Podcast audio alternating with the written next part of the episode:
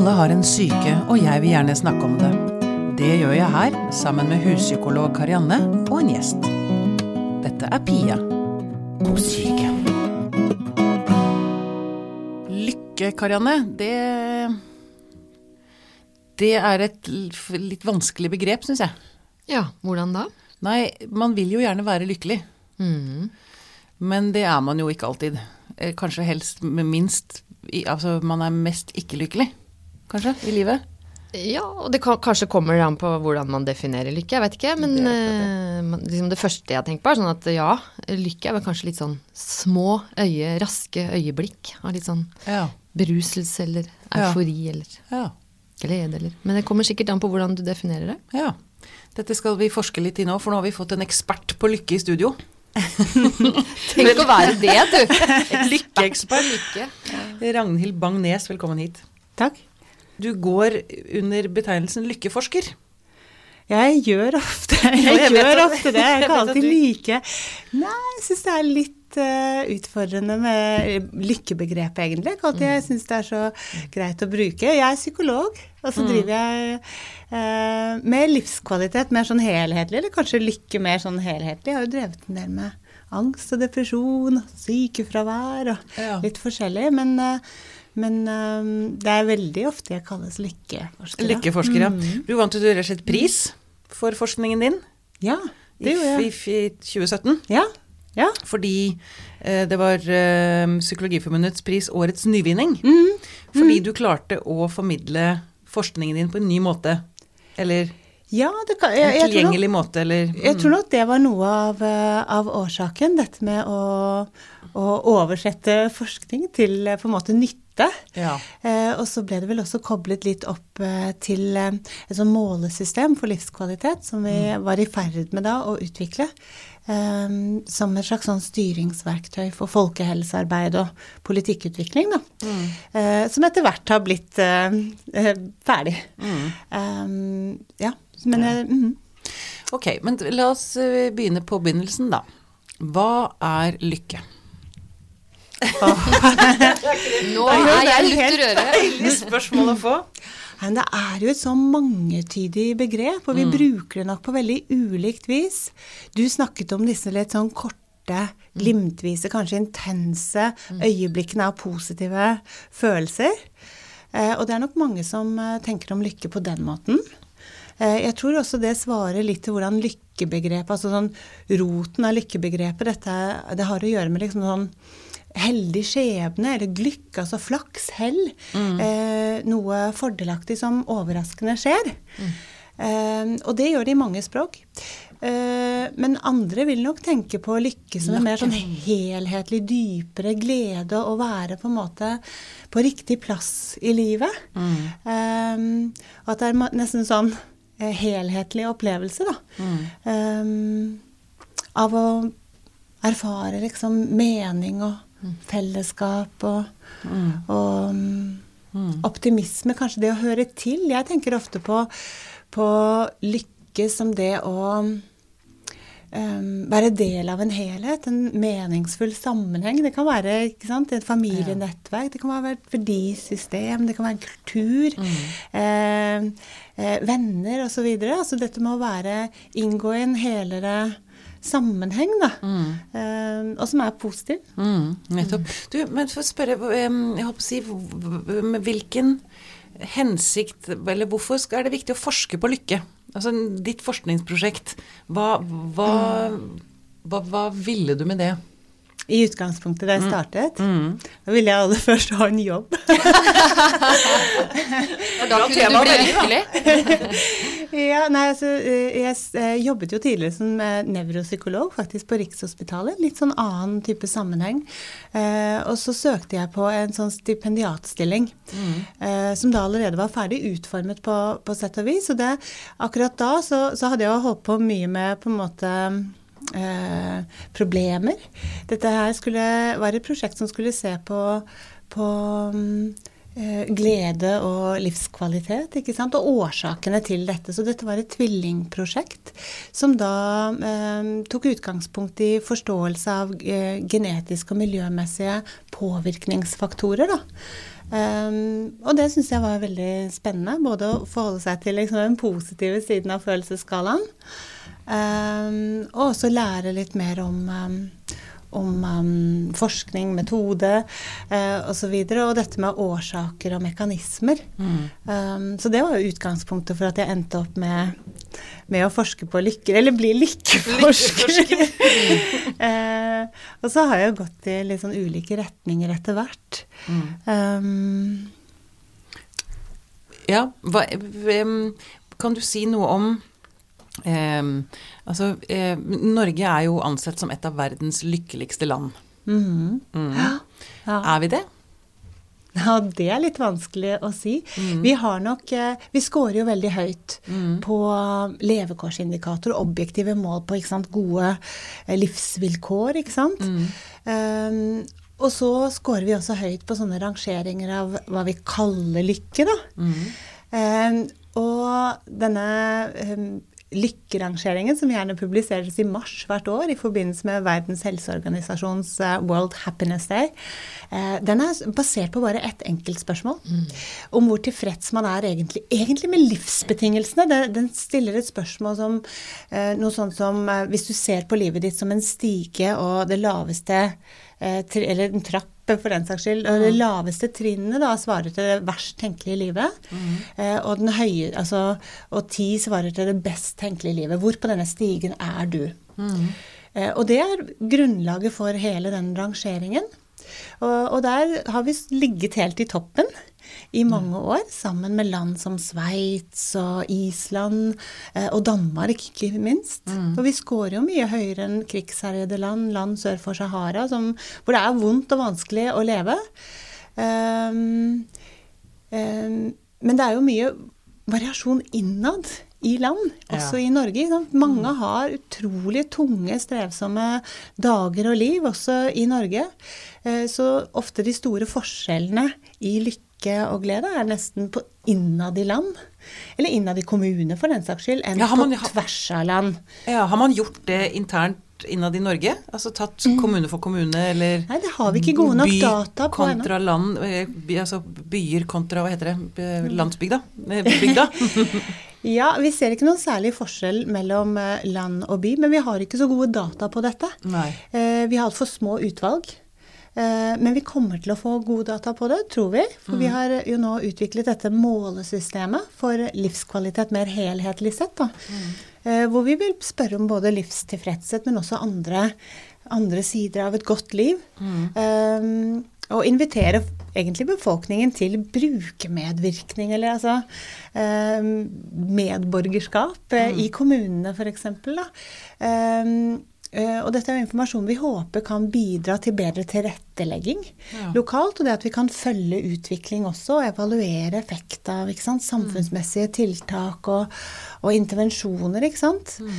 Um, så vi har rett og slett ikke gode nok data ennå Eh, men det er særlig både fordi vi ikke har så mange spørsmål om lykke, kanskje, men, eh, men aller mest det at vi har så små utvalg. Ja, vi har 4000 personer mm. på hele landet, og da kan vi på en måte ikke dele opp i mm. kommuner eller land, særlig ikke hvis vi i tillegg skal dele på kjønn og aldersgrupper og de som lever innenfor og utenfor samliv, f.eks. Mm.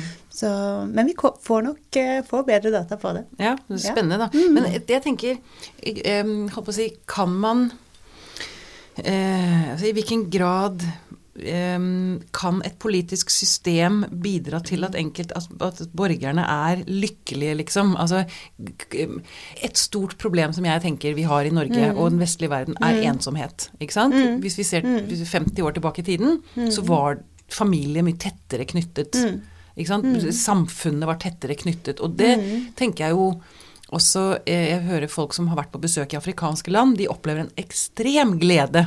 Mm, mm. Over små ting, ikke sant. Ja. Vi har blitt bortskjemt, ja. og vi er ensomme. Vi lukker oss inne. Det mm. tenker jeg må være en sterk indikator på en lykke...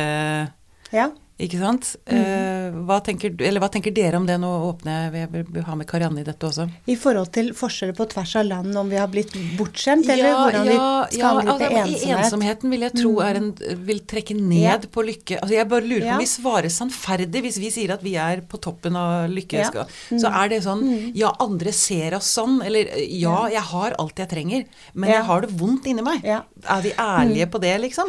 Uh, og vi er mer uh, ærlige hvis vi, hvis vi f.eks. svarer på et spørreskjema, enn hvis vi, hvis vi uh, blir intervjuet når det gjelder ensomhet f.eks. Så ser vi store forskjeller Akkurat. uh, etter hva slags sånn eh, modus uh, uh, undersøkelsen er basert på, faktisk. Mm. Vi tenker jo det er veldig viktig nettopp å få tak i flere nyanser, så vi Mm. kan se på sammenhengen og få et mye rikere og mer helhetlig bilde av hvordan folk faktisk har det. Mm. Eh, og det er mye fokus på, på ensomhet. Eh, og det er sannsynligvis en god del, selv om vi ikke kan allokere venner til folk, eh, så er det sikkert mye vi kan gjøre eh, for å legge bedre til rette for, for fellesskap. ikke sant? Men, men det med å finne ut Og årsaker til ensomhet kan jo variere på tvers av kommuner eller aldersgrupper. ikke sant? For, for eldre i Båtsfjord kan det være helt andre årsaker til ensomhet enn å være ung i byen osv. Så, videre. så vi tenker at, at det er viktig at vi på en måte får litt mer informasjon, sånn at vi kan være mer både innovative i, i tiltak eh, og forstå litt nærmere, komme nærmere på klingen hva er det som er utfordring i forhold til f.eks. ensomhet i denne kommunen eller for denne befolkningsgruppen. Eh, men jeg tenker at det er mange sider av sosialt fellesskap som vi, som vi eh, må jobbe med. Vi vet jo at, eh, at dette med eh, fellesskapet ikke sant? og det å føle seg knyttet til eller koblet på, er av enorm betydning for både sant, psykisk helse og det å klare å altså, tåle belastninger, komme seg igjen etter ikke sant, nedturer osv. Og, så videre. også det med å, å skape mestring og, og tro på liv eller optimisme og glede. Em, både det med sant, tilhørighet, det med deltakelse, med, med um, ensomhet selvfølgelig. Uh, um, uh, det er så mange aspekter ved, ved sosialt liv da, som kanskje kan gi oss, um, hvis vi har informasjon, kan gi oss um, et godt kunnskapsgrunnlag nettopp for å, for å um, møte problemene på den mest hensiktsmessige måten. Ja, politisk. Altså, i- Ja, politisk, politisk, tenker jeg mm, mm. på det. Men det er klart at eh, når du trekker frem dette med Afrika, så ser vi jo faktisk at altså, Det er ikke nødvendigvis det at vi har så mye mer positive følelser her enn andre, andre land. Vi har lavere forekomst kanskje av eh, bekymringer. Eh, og Ja. altså virkelig hva vi ofte kaller sant, eh, alvorlige eh, psykiske plager. Da. Forekomsten er jo lavere her enn i mange andre land. Vi har, vi har jo på en måte sikkerhet i en del velferdsordninger osv. Mm. Eh, og, og en annen ting som gjør at, at vi scorer høyt, er jo også dette med at de menneskene som scorer veldig lavt på lykkerangeringer i mange land, de som er utenfor familieliv og arbeidsliv osv., de har det egentlig bedre i land som Norge og Danmark. Ikke sant? Ja. Sånn at de som ofte trekker ned, de, de finnes på en måte ikke her, i hvert fall ikke i like stor grad, men vi har ikke på en måte så mange som er eh, euforiske Euforisk. Oppe hele tiden. Det kan godt hende vi har vel så mange i, i afrikanske land, og det viser jo noen Mm. undersøkelser også. Hvilke land ligger, scorer lavest? Husker I du det? fjor, jeg husker ikke, men eh, jeg, Syria, Benin, tror jeg. Eh, Mm. Togo tror jeg lå ganske lavt. Jeg husker at Tanzania hadde, hadde også falt veldig Mm. eh, på, på denne World Happiness-rangeringen. Ja.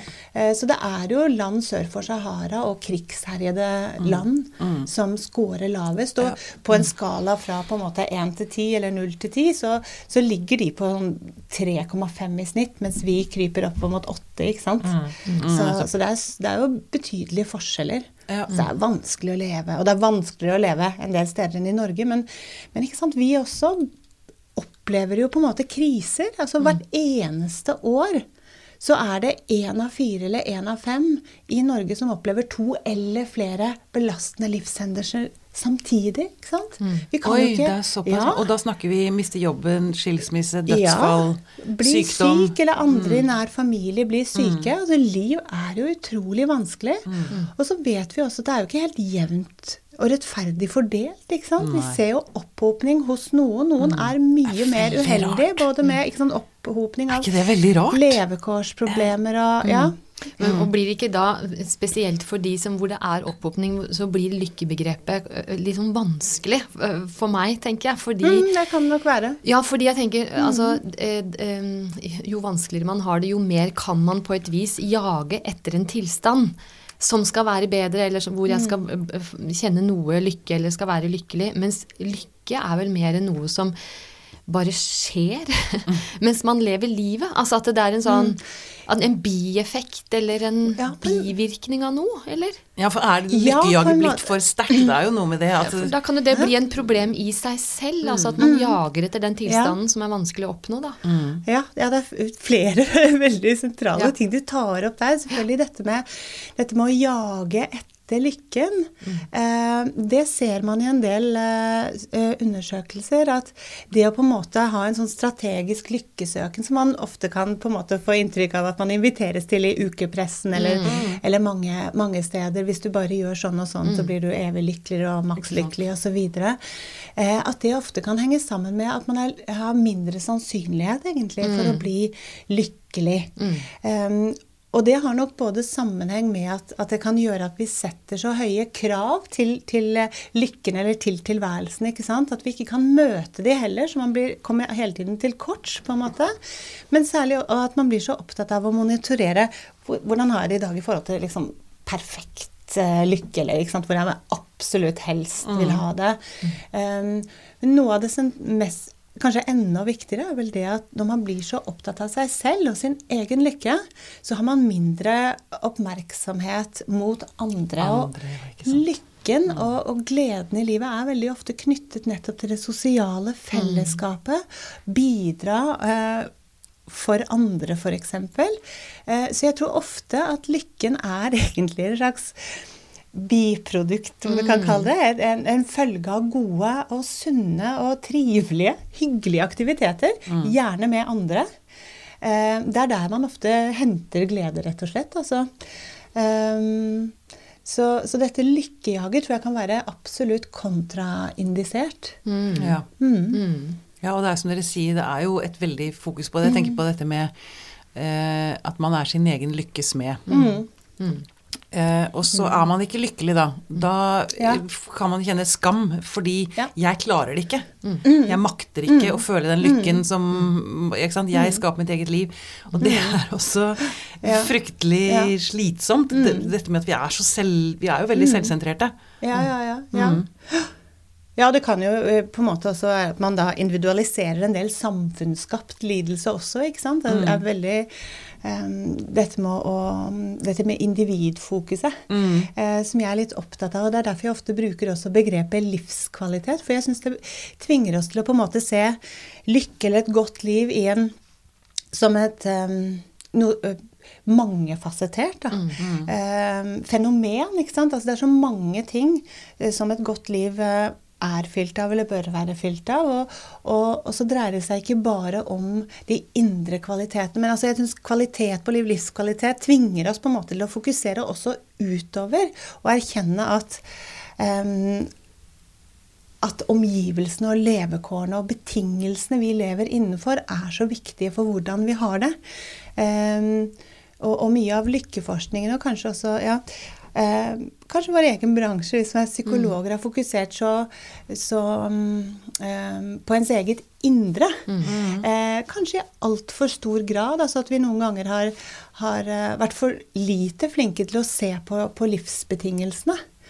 Um, og så kan man si at selvfølgelig det med å Hvis du er herre over ditt eget indre, så blir du i hvert fall ikke slave twice, på en måte. Uh, men jeg tenker at det er veldig viktig at vi hele tiden på en måte uh, vender blikket mot uh, muligheter og, og, og i omgivelsene. Mm. og også begrensningene, og at vi har et samtidig fokus på det indre. Styrker og utfordringer både i det indre og, og i, i, i miljøet eller konteksten vi lever innenfor. Da. Mm. For jeg tenker når, de, når de, eh, denne undersøkelsen som blir offentliggjort hvert år da på World Happiness Day, sånn at det, det man egentlig spør mye om der, er hvilke betingelser vi lever under. Tenker du det? Fremfor at gleden Oi. av lykke. Det ble ja, veldig mørkt. ja. Men er det Det var jo veldig rart å ikke se hverandre. på en måte. Litt annen stemning. Nå- Det er sånn du sa det i sted, Karianne. Altså, Ja. Nå gikk strømmen, bare for å si det, nå sitter vi i et bekmørkt studio. Men- I tilfelle jeg ikke klipper vekk dette. Ja. Men du sa det i sted, Karianne, at lykke er noe som bare skjer plutselig. Ja. Det, ja, Ja, dette var en uforutsett hendelse. Ja. Men jeg vet ikke om du gjorde lykkelig? lykkeligere. ja. Jeg skal bare se om det er Det var uventet, i hvert fall. Ja, ja, det var veldig uventet. Ja. Så det er bare sier- lyset som er borte, rett og slett. Den Strømmen er gått på hele huset. Ja. Men, men allikevel den er opptaket den her går på batteri. Aha. Så den opptaket går. Opptaket ja, går. Ja. Ja. ja, altså. Nå gikk strømmen i eh, hele huset her, eh, så nå har jeg vært og hentet et stearinlys. Mm. Og nå, jeg må si, jeg merker at jeg kan bli litt lykkeligere av litt sånne ekstremhendelser. Altså uforutsette ting som jeg må takle, eller altså Og nå sitter vi her med stearinlys, og jeg syns jo det ble egentlig ekstra hyggelig nå. Helt enig. Det, det, jeg syns det er nesten er noe sensorisk over det òg. Altså, Ja. altså den opplevelsen. Altså det er lyd, og det er eh, blikk, og det er lukt. Og. minner litt om dette med eh, i, I dette lykkefeltet så har man jo hatt denne eh, hyggebegrepet, som har på en måte vært som en sånn farsott eh, internasjonalt. Selv, Hygge, ja. Hygge. Og det er jo på en måte den liksom nordiske det er en form for lykke, ja. Mer sånn lavstemt, nær, som, og, og som egentlig minner oss kanskje på at lykken er så nær oss. Eller sånn, de positive opplevelsene den skal ha så lite til, og den er tilgjengelig eh, for, for alle. Det å tenne et lys som nå, da. Vi settes jo i en litt annen stemning. Vi gjør det. Eh, ikke sant? Um, Og det tenker jeg er en viktig ting, nå må jeg bare ta hunden min opp på fanget her. Sånn. Eh, det tenker jeg er, det er en sånn ting som jeg vet jeg bruker hvis jeg har det vondt. Det er noe med å endre, som du sier, det sensoriske. Altså ta et bad. Eh, endre lyssettingen i rommet jeg er i. Eh, Bake noe som lukter godt. Bake noe som lukter godt, Ja. ikke sant. Og det vet Ja. man jo på Hvis man skal selge leilighet eller hus, så er det veldig lurt å ha bakt. Mm. For det påvirker eh, Ja, ja, ja. kjøpslysten. Man har det? lyst, det er jo man, Det er mulig man vet det, men allikevel så blir man påvirket av det. ja, ja. Men det er der jeg lurer på også uh, igjen det her med um, altså lyk, selve lykkebegrepet. For det er klart at det, det er fint å kjenne lukten eh, av boller, eller, eller spise noen boller eh, og ha litt stearinlys f.eks. Altså det kan, man kan komme i en sånn, sånn lykketilstand. Men spiser man hele bolleporsjonen, så blir man kvalm på en måte. Altså det blir for mye. Ja, Man kan ikke bare ha lykke hele tiden. Nei, så det må jo være noe kontrast, altså eh, noe som kontrasterer det litt. Ja, man, det, er jo, det er jo en del sånne former for, for ikke sant, glede eller nytelse eller begeistring eller hva enn man vil kalle det, som, som nesten brukes opp ettersom man erfarer det. Hvis du får hele sjokoladekaken og ikke bare et stykke, så blir du skikkelig kvalm. ikke sant? Um, og jeg har nok vært sånn personlig ikke sant? Jeg har ikke vært så veldig opptatt jeg, ikke, jeg tror ikke jeg er så veldig nytelsesorientert, egentlig. Nei, jeg tror ikke jeg er det. Og jeg har liksom ikke vært så veldig opptatt av det å sette liksom nesten om noe som kan være avhengighetsskapende. Men vi ser jo i forskning på en måte at dette med disse glimtene kan ha viktige eh, helende eller, eller eh, effekter på kroppen. F.eks. en sånn fysiologisk Dette med å viske ut etterreaksjoner av stress. ikke sant? Det, må opp, ikke sant? Det, det, det, gjør det, det gjør det lett altså det med å ha noen sånne opplevelser gjør det lettere å gå videre i en tung hverdag, f.eks. Eller mestre en vanskelig livssituasjon. Og man ser i eksperimentelle undersøkelser f.eks. dette med at, um, at hvis du setter mennesker i en veldig sånn stressende situasjon så Hvis de opplever noe som er litt sånn hyggelig eller trivelig, så kan du se hvordan på en måte rett og slett det altså visker ut fysiologiske Akkurat. reaksjoner, ikke sant. Ja. Um, så det har nok en viktig funksjon for oss, men jeg tenker at, eh, at eh, lykken er veldig mye mer omfattende enn enn det. da. Um, og at det selvfølgelig kan virke avhengighetsskapende også. Det er jo sikkert koblet til de, mye av de samme nettverkene i, i hjernen og kroppen som også eh, en del avhengighetsskapende aktiviteter eller u, uvaner er koblet på. Ja. Du, Er det noe eh, vi så langt ikke har touchet innpå fra forskningen din, som du tenker at er viktig å liksom løfte frem her? Som, som vi ikke tenker på Altså, du snakker mye om, om omgivelsene, Ja. livsbetingelsene vi har. Og det er det jo Jeg tenker jo at det er jo veldig ofte veldig vanskelig å gjøre noe med. Nei, jeg vet ikke. Nei, ok. Jeg vet ikke om det nødvendigvis er det enten det er fra et um, men fra et sånt samfunnsperspektiv så, så vil, kan det jo innebære alt fra på en måte, endring i skatteproblematikk, eller gjøre noe med um, tilgangen på arbeidsplasser, eller det kan være rent arkitektonisk, sånn at vi skaper flere møteplasser, ikke sant. Um, og så kan det jo være for enkeltindividet å, å endre på en måte um, hvor man går til jobben, for den saks skyld, ikke sant. Ja. Men det vi ikke har snakket om, og som kanskje er noe av det jeg har drevet um, nesten mest med, er jo dette i forhold til genetikk. Um, at det er forskjeller mellom oss i hvor For det første selvfølgelig er det forskjeller i hva vi liker å holde på med, hvor vi finner hva som er kilder til gleder for deg og meg. Men det er ikke like lett for alle å se lys på livet. Og det har ikke bare med betingelsene våre å gjøre, Nei. men også liksom personlighet eller lynne. Og noe av det jeg jobbet med i doktorgraden, var jo å se på denne Vi ser i, i veldig mye av lykkeforskningen, hvis vi skal kalle den det, at det er en veldig sånn stabilitet. Altså folk som er fornøyd på ett tidspunkt, er ofte på et annet tidspunkt også. Og fornøyd både på treningsstudio og på jobben og på trikken og, og hjemme. Og, sånt. Så det er eh, så det er en viss, Selv om vi hele tiden påvirkes av omgivelsene rundt oss og hva som skjer, så, så er det en slags sånn stabilitet. Eh, og den, på en måte, hvis vi kunne på en måte isolere selve stabiliteten, da, eller hvis vi ser bare på, på denne grunnstemningen, hvis vi skal kalle det, så har den ganske sterk sammenheng med genetikk. Ja. Eh, og sammenheng med personlighet. Men det betyr at hvis man er gjennomgående grumpy, så er man, sitter man der, liksom. Da er man Ja, så er jo bare stabilitet noe av det hele. Ja. Ikke sant? Sånn at, eh, og vi ser jo disse tvillingdataene eller undersøkelsene også at eh, sånn umiddelbar positiv affekt, da. Eh, ikke sant? Sånn som jeg var eh, for noen år siden, så hadde vi en sånn um, lykkekonferanse, eller positive psychology-konferanse i Frankrike, og, og jeg har ofte brukt bilder derifra, for den kvelden vi kom, så var det England og Island som spilte mot hverandre i fotball. Ja. Var det VM? Nei, det var EM. For det var to. Ja. Um, og det er sånn eksempel på sånne ting som altså, Det er ikke noen forskjeller mellom oss i forhold til hvordan vi kan på en måte bli glad i en sånn situasjon. Da var vi sammen med masse islendinger, faktisk, som, og, og Island vant. gøy. Men ikke sant, det er, ikke sant, det er mye positivt som skjer, som, og det vil ikke være noen store forskjeller i hvordan vi reagerer på, på det. Men, men over tid så er det helt klart at det er en sammenheng mellom, mellom um, eh, en sånn grunnstemning og Ja. um, og hvordan, altså det, er, det er ikke like lett for alle. Um, men det betyr på mange måter ikke at vi ikke kan få et mye bedre liv. Liksom, noen har lett for å legge på seg, og noen har på en måte utrolig talent for sant, å utvikle muskelmasse og bli mm. flinke skiløpere eller i det hele tatt. Og andre er gode på Eh, musikk eller ja, ikke sant? Vi mm. har litt ulike talenter, hvis vi skal si det sånn. Og hvis vi ikke utvikler de talentene, eller bruker de sånn, Hvis jeg har talent for virkelig sånn muskelbygging Kanskje kunne jeg vært sånn bodybuilder eller noe sånt, Mm. men ligger på, på sofaen og eh, røyker rullings eller, eh, Ja. eller slapper av mye av tiden, så vil jeg ikke utvikle de ferdighetene, ikke sant. Mm. Um, Men kan man utvikle lykkeferdigheter? ja, det tror jeg absolutt man kan. Ja. Ja. Hvordan gjør man det?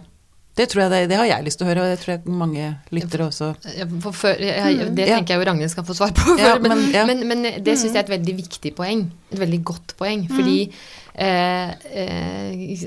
du, du, det er jo du som har drevet med genetikkforskningen, men det er jo sånn, altså det er så mangfoldig og komplekst og mangslungent mm. at det er jo ikke sånn at de ligger der stabile, og så vil det være sånn det ser ut. Altså det, det må være noen som Betingelsen må også skru på de bryterne som ligger der latente, på en eller annen måte. Mm. mm. For, sånn at ikke folk får en sånn fatalistisk holdning der ute mm. om at dette kan Ok, jeg, jeg, er en grumpy person, eller jeg er sånn, og dette kan Jeg er ikke lykkelig.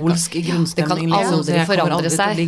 Og det er faktisk eh, Det har man også sett på i forskning, at hvis du bare bringer inn genetikken, så har folk veldig lett for å tenke deterministisk. Nettopp. Mm. Og det er jo veldig Og fatalistisk. Ikke sant? Mm. Eh, vi er helt klart på en måte tilpasningsdyktig. Ikke sant? Ikke sant? Altså, er det noe som kjennetegner vår utvikling, så er det jo på en måte evne mm. til å på en måte justere oss i henhold til mm. omskiftelige eh, miljøbetingelser mm. eh, og kontekster. ikke sant? Mm. Um, så egentlig det vi, vi finner, er jo mer det at Eh, akkurat som eh, noen er lettere for å legge på seg, så, så er, er, det litt vanskeligere, tyngre for noen. Og kanskje det viktigste er dette med at vi finner jo på en måte glede i litt forskjellige ting. Så jeg tenker det å identifisere mm. hva, um, hva, jeg, hva, hva er det jeg uh, finner glede i. Mm. Ikke sant? Mm. Ja, det, det, er den første delen av jobben. Det er kjempeviktig. Mm. Og jeg tenker også at det er veldig viktig å identifisere hva som er ens lykketyver. Fordi at selv om vi ikke sant, mm finner veldig mye lykke f.eks. i å spille tennis eller ikke mm. sant? Mm. Gå på ski, eller være sammen med hunden sin. Eller, så hvis du mm. gjør det hele tiden, mm. ja, um, så er nå det fint. Men hvis du samtidig uh, ender opp i en veldig sånn stressende situasjon, eller har på en måte uvaner, eller ulemper som, som stjeler mye lykke, da. Ja. Eller mennesker. Eller kan, mennesker, kan absolutt. Mennesker sant? Mm. som trekker deg ned, eller hva enn det måtte være. Mm. Uh, så jeg tenker det er veldig viktig både å identifisere hva som uh, Hva en selv liker og trives med, og ja. hvor en finner glede, og hva som uh, stjeler den. Mm. Ja. Ikke sant? Mm. Lykke, lykketyvene eller livskvalitetstyvene. Og så tenker jeg hele tiden alltid at man må samtidig også ha et fokus på det indre og det ytre. Hva er det i miljøet, eller konteksten min i huset mitt, eller i nettverket mitt, eller i arbeidssituasjonen, som bidrar til det, og som trekker den ned. Mm. Mm. Så man må hele tiden samtidig, tenker jeg da, ja. Eh, ha fokus både på um, på, på, på, styrkene og ulempene. Mm. Og det indre og det ytre. Ja.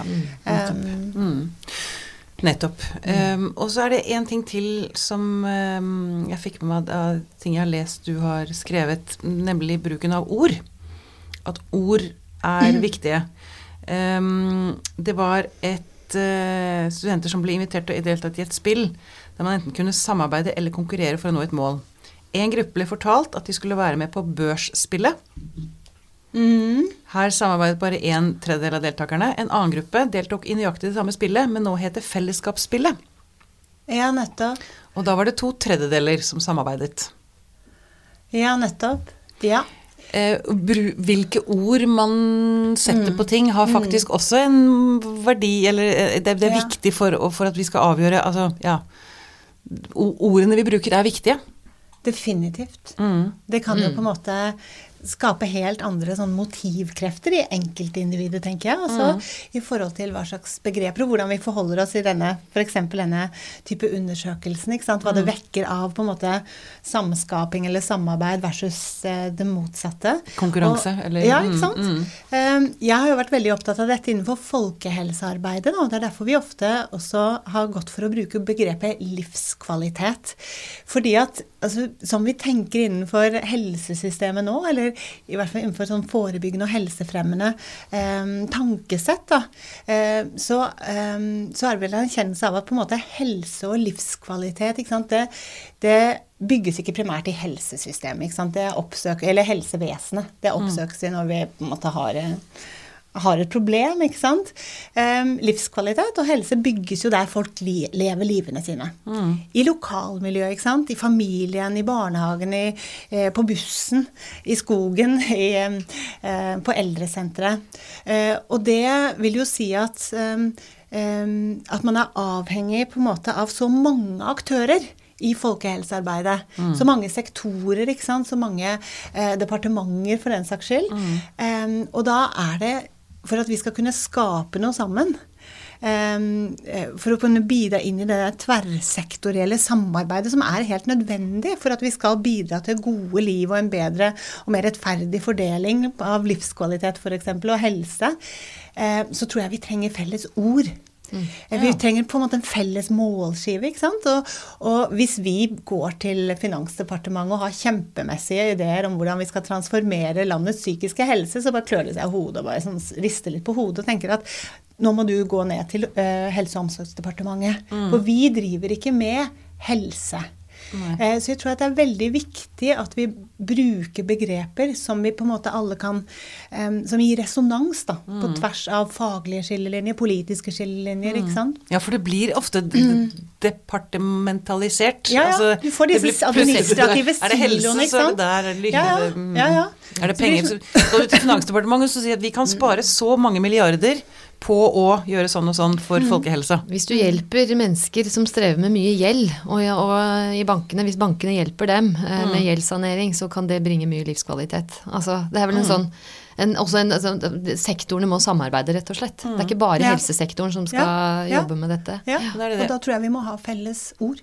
Felles begreper, felles mål, sånn at vi skal, kan på en måte erkjenne og se på en måte hvordan vi henger sammen i dette helhetlige systemet, da, ikke sant. Eller hva hva vi kan bidra inn med, eller ja, ja. ja. Men hvis du var uh, sjef i Norge en ukes tid, da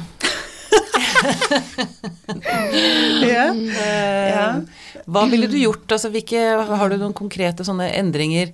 Ja, altså du sier det høres jo kjempefint ut at mm. vi skal ha felles målskive, men gjør dere det? Jobber dere ut disse begrepene eller denne felles målskiven i Folkehelseinstituttet, eller? Vi, vi, prøver, vi prøver, jo absolutt det. Altså, vi, mm. vi, har jo veldig fokus nå på akkurat dette. Mm. Eh, som, vel også blir et sånn prioritert eh, tema eh, for en del av vår virksomhet, rett og slett. Og det er jo også politiske um, fokus på dette. Mm. Um, men hvis jeg var sjef i Norge en uke eller en hva? måned eller en dag. Ja. Du kan bestemme selv perioden. Liksom, hva, det, det, er vanskelig, hva, hva fordi jeg liksom tror at det er så mye eh, Jeg tror kanskje at um, um, Ulike problemer og ulike Eh, regioner eller grupperinger har litt ulike behov, da. Mm. Så jeg vet ikke om det er noen på en måte løsninger som er på en måte generelt effektive. Nei. Um, Men er det noe konkret du ser i dag som du tenker at dette er så på trynet, dette må vi gjøre noe med nå, liksom? sånn for lykke, befolkningens lykkeindeks?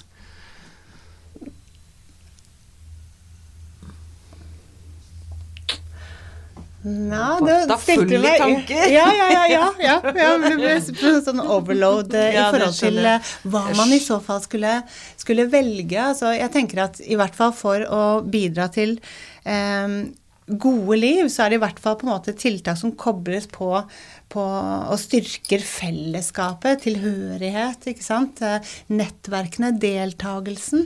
Mm. Um, sånn at det å, å fokusere på å og, og bidra til um, gode nærmiljøer, ikke sant. Mm. Gode, uh, trygge og deltakende um, fellesskapsarenaer er jo veldig viktig. Mm. Og så tenker jeg at det er Vi har ofte, i hvert fall i min bransje, tror jeg, eller vår bransje, mm. har man vært litt lite flink til å se til um, økonomiske betingelser mm. og urettferdighet på ja. en måte. Mm. Um, så, så, jeg tenker at um, at det er viktig. Mm, nettopp.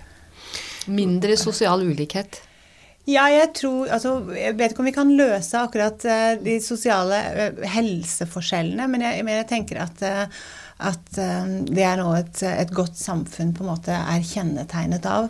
Mm. Og vi kjenner jo ikke i dag alle mekanismene involvert, men jeg tenker at, at det skaper mye negativt når på en måte man har så ujevn og urettferdig fordeling da, av goder og byrder og, og mm. ulemper, ikke sant? Mm. Mm. Og kanskje spesielt da når man eh, snakker om lykke som nærmest noe normativt. Altså noe, alle, noe vi alle skal kjenne, mm. alle skal ha. Mm. Eh, hvor provoserende det kan være for de som faktisk eh, har lite. Mm. Ja. Mm. ja, absolutt. Og ha dårlig helse. Mm. Og ha dårlige betingelser. Dårlige betingelser. Mm. Eh, min eh, gamle sjef eh, Arne Holte er jo veldig opptatt av barnehagene som forebyggingsarena. Eh, og jeg har en kollega eh, i Levanger som fokuserer på barnehagen som sånn integrerings- eller inkluderingsarena. Eh, og Arne er også veldig opptatt med kvalitetsarbeid til alle. Altså skaff mor og far gode kvalitetsjobber, på en måte. ikke sant? Mm.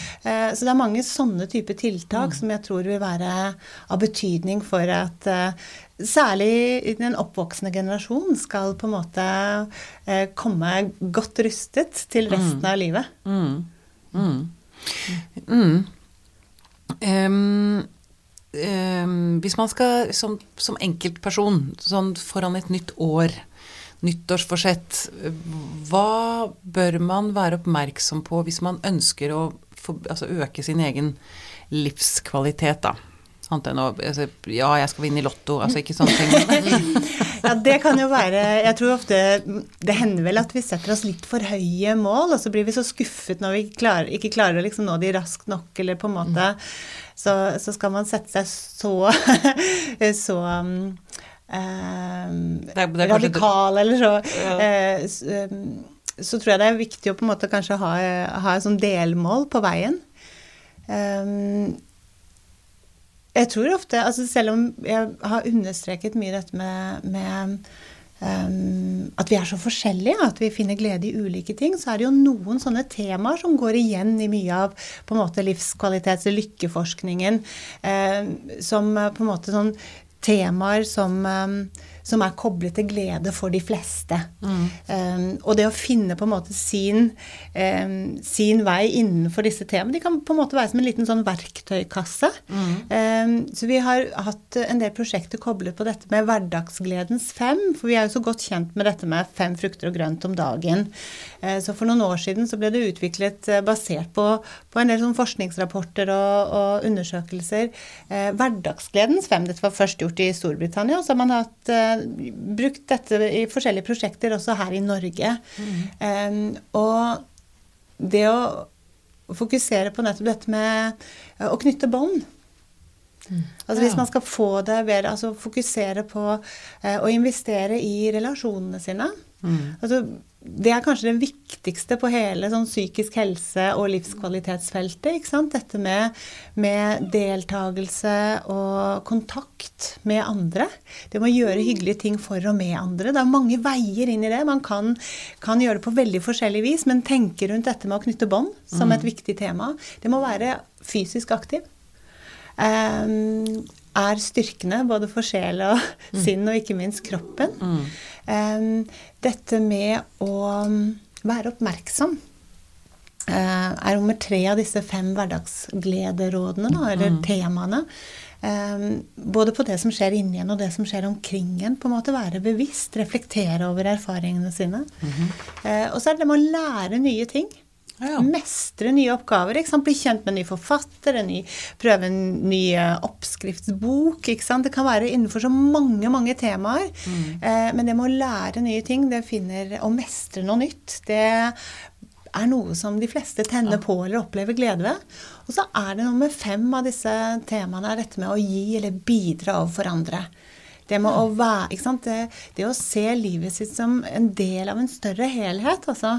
Um, så disse fem temaområdene tenker jeg kan være en veldig sånn nyttig verktøykasse. Um, uh, mer sånn generell verktøykasse. Man kan finne sin sånn sin vei ja. eh, inni, da. Eller altså bruke temaene til å, å tenke rundt hva, hva,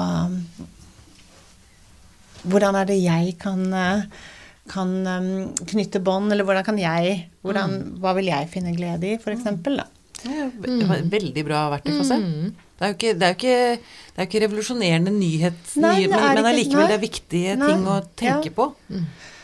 Ja, jeg tenker ofte at det å ha en sånn liten verktøykasse, noen få temaer, på en måte har vært veldig nyttig for meg. Mm. Eh, og jeg ser når jeg er ute rundt og holder foredrag også, så jeg snakker i timevis om eh, genetikk eller mm. folkehelsekampanjer eller mm. forebyggende tiltak. Altså det folk vil ha, er uh, er den lille verktøykassen. Ja. å ta med seg hjem. Gjerne henge opp på kjøleskapet og minnes om at det fins på en måte um, en del temaer som man kan Som er kobla til glede, og som er kanskje relativt lett tilgjengelig. Mm. Um, ikke sant. Mm. Det, er ikke, det var ikke dumt dette, Karianne. Nei, det var um, veldig gode ting å ta med seg inn i det nye året. Ikke sant? Veldig bra. Eh, Da ønsker jeg alle lyttere godt nytt år og lykke til med forsettene. Her var det jeg, jeg skal ta meg jeg, ja, kom på en, jeg kom på et par ideer jeg har tenkt å gjøre med mitt liv. Takket være din verktøykasse. Har du lyst til å fortelle om det, eller? Nei. Nei, jeg bare jeg, Eller jo, jeg kan godt si det. I hvert fall en av de tingene. Jeg har tenkt på det så lenge at jeg har så lyst til å lære meg et nytt språk. Ja. Enten, men jeg, så klarer jeg ikke å Ja. bestemme om det skal være fransk, spansk eller italiensk. Ja. Men jeg tenker at det, nå, skal, nå skal det bare Ja. gjøres. Ja. Mm. Det er noe med det òg. Man må bare gjøre Så en ting, er det én ting som er frustrerende, så er det å gå og tenke at å, nå burde jeg. Nå Ja. har jeg lyst Ja. Mm. til Og så ikke gjøre det. ja, for det kan bli en ordentlig sånn der Mm, Det blir- lykketyv, det blir rett og slett. lykketyv, altså. ikke Ja, sant? ikke sant? Ja. Og nå har du sagt det høyt, så dette forplikter, åh, vet du. Pia. Nå må jeg snart begynne å ha podkaster på fransk. Oui. Veldig bra. Noe du har lyst til å føye til på slutten, Ragnhild, før vi avslutter? Som du har brent inne med? Du så ut som du liksom Nei. Nei, jeg ble sittende og tenke litt på hva, hva er mitt, mine nyttårsforsetter. Ja. Og akkurat det med å tenke rundt det med å, å lære noe nytt i løpet av året. Sant? Det, det er helt klart, altså. Men jeg, jeg, jeg satt og gapte, tror jeg, for jeg vet ikke helt hva jeg skal kaste meg over. Eh, kanskje R, det her statistikkprogrammet. At jeg skal Oi, bli litt sånn-. Nå forplikter det også, Altså, Ragnhild. Altså, Jeg blir imponert med en gang, for det Altså, for det er sånn komplisert. jeg kunne hatt nytte av å Ja. Altså kanskje et eller annet sånn Det må være kanskje noe sånn um, sportsaktig eller noe sånt nå. At, eh, man kan alltid trene mer. Det tenker jeg også. Jeg har, meld- jeg har meldt meg inn i treningsstudio igjen. Ja, For den der landa jeg nemlig på. Ja, altså, jeg som på en måte har nå fått en ny valp i hus og alt dette her. Ikke sant? Så det er veldig sånn lett for meg å si at jeg skal være mye ute Mm. framover. Ja, ja. Og det kjennes bare gledesfylt. ikke sant? Mm. Det er veldig bra. Det, det anbefales i lykkeverden å få seg hund. Og da får du også kombinert, apropos disse fem hverdagsglederådene, ikke sant. Mm. Det med å kombinere de også, ikke sant. Å være fysisk aktiv. Nettopp. Ikke sant. Og så- mestre noe nytt samtidig. Mestre noe nytt samtidig. Mm. Eller, ikke sant, gå, gå tur med både hun og Mm. noen venner, og kanskje hun kan ha med en venn også, holdt jeg på å si. Sånn bånd, altså det med å kombinere. Mm. eh, da kan du Jeg, jeg kan egentlig tikke på veldig mange av Ja, de ikke sant? ja. Ja, ja. Veldig bra. Nei, jeg tror, jeg tror det blir et bra år. Satser på det. Jeg tror det. Ja. Det satser vi på. ja. Ragnhild Bang-Nes, tusen takk for at du kom til oss. Jo, veldig, veldig hyggelig å bli invitert. Ja, så bra.